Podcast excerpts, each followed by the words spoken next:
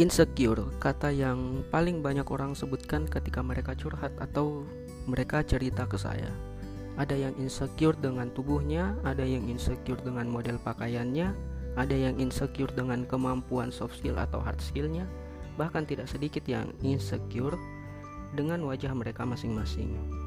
Di dunia ini pasti semua orang pernah merasakan insecure dan gak perlu khawatir dengan insecure itu yang harus kamu khawatirkan adalah ketika rasa insecure membuat kamu berkecil hati dan hilang semangat.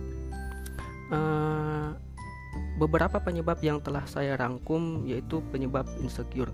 Yang pertama adalah membanding-bandingkan dengan orang lain, yang kedua pengalaman atau berorientasi ke masa lalu, yang ketiga terlalu banyak melihat sosial media, dan yang keempat adalah kata-kata negatif dari orang lain.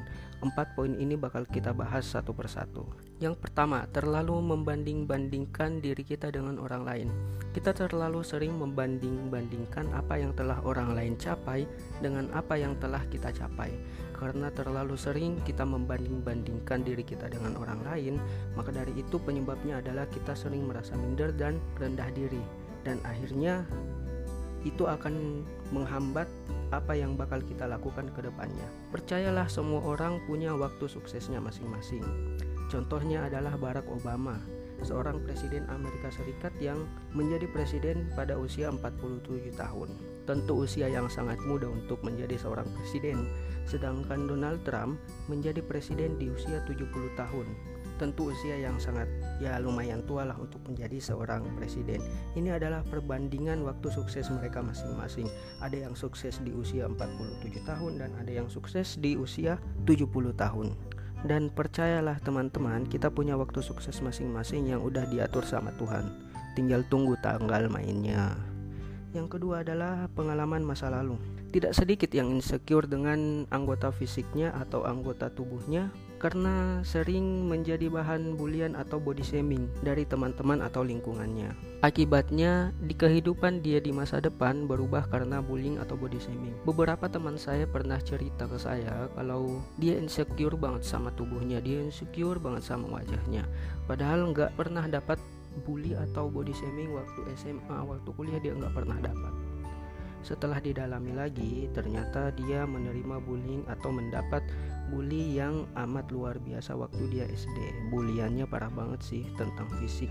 Dikatain jelek, dikatain hitam, dikatain anak setan, dan lain-lain itu yang parah banget sampai di kehidupan dia ke depan itu sangat berpengaruh. Seperti itu teman-teman. Yang ketiga, terlalu banyak melihat sosial media. Secara nggak sadar terlalu banyak melihat sosial media juga bisa bikin kita insecure karena apa? Karena secara tidak langsung kita membanding-bandingkan diri kita sendiri dengan diri orang lain. Bahkan terlalu fokus dengan kehidupan orang lain dibandingkan kehidupan kita sendiri seperti itu. Yang keempat adalah kata-kata negatif dari orang lain. Ada sebuah kalimat yang pernah saya baca yaitu kita tidak perlu melakukan sesuatu hal yang buruk akan tetap ada yang tidak suka dengan kita. Sedangkan kita harus berusaha melakukan hal yang baik agar orang tetap menyukai kita. Cara kerja semesta memang seperti itu. Memang jahat. Semesta nggak mau tahu dan nggak peduli kesulitan apa yang kita hadapi. Dia cuma mau tahu kalau kita baik-baik saja gimana sih cara ngatasin insecure agar insecure itu tidak berdampak negatif ke kita melainkan berdampak positif terhadap diri kita masing-masing. Yang pertama, tulis kata-kata positif tentang diri kamu. Contohnya, saya itu hebat.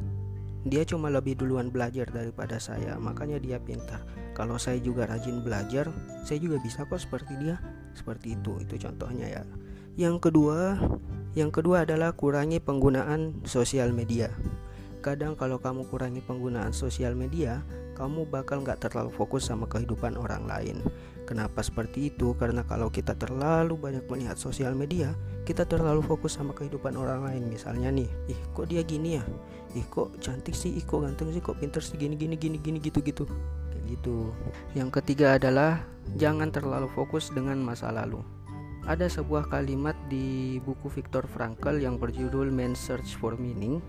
Dia mengatakan bahwa jangan hidup karena masa lalu, tapi hiduplah untuk masa depan. Ini kalimat yang selalu saya pegang Seburuk apa pun situasi yang saya hadapi, kalimat ini yang selalu saya ucapkan. Karena saya yakin di masa depan pasti saya bisa setara dengan mereka atau bisa di atas mereka, seperti itu.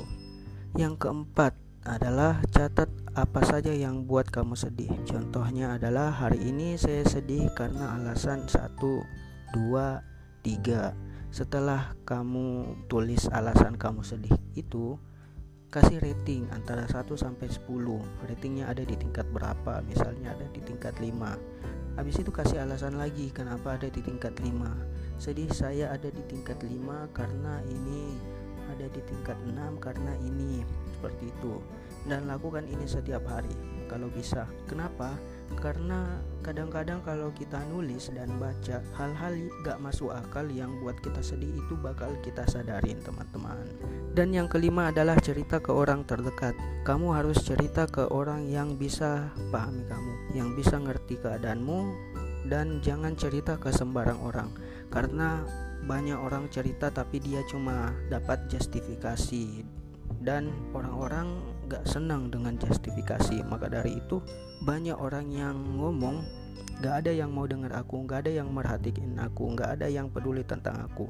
Kenapa? Karena ya dia cerita dan cuma dapat justifikasi doang. Kalau kamu itu harusnya gini kamu kok gini kamu gini gini harusnya gini gini gini seperti itu. Padahal mereka cuma pengen didengar doang.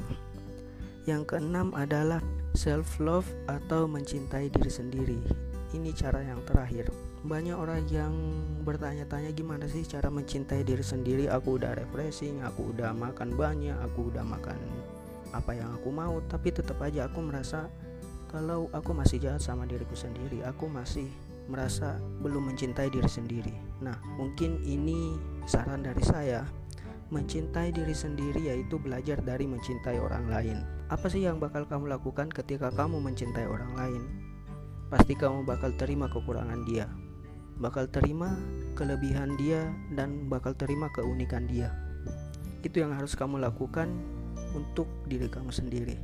Belajar menerima apa kekurangan kamu, belajar menerima segala keunikan yang kamu punya, dan belajar menerima apa yang gak bisa kamu lakukan seperti orang lain lakukan seperti itu dan saya juga mau cerita teman-teman saya punya insecure saya agak insecure kalau lihat keluarga yang bisa ketawa bareng-bareng bisa makan bareng-bareng di meja makan dan apa pun yang buat orang itu bahagia dengan alasan keluarga saya tahu saya nggak bisa mundurin waktu tapi setiap saya insecure karena itu saya selalu ngomong dalam hati gak apa-apa saya sedih hari ini gak apa-apa saya jatuh hari ini karena alasan yang gak bisa saya ubah tapi tunggu nanti di surga. Saya bakal minta apa pun yang saya nggak bisa miliki di dunia. Dan setelah mengatakan ini, saya kembali tersenyum dan tetap menjalani kehidupan seperti biasanya. thank you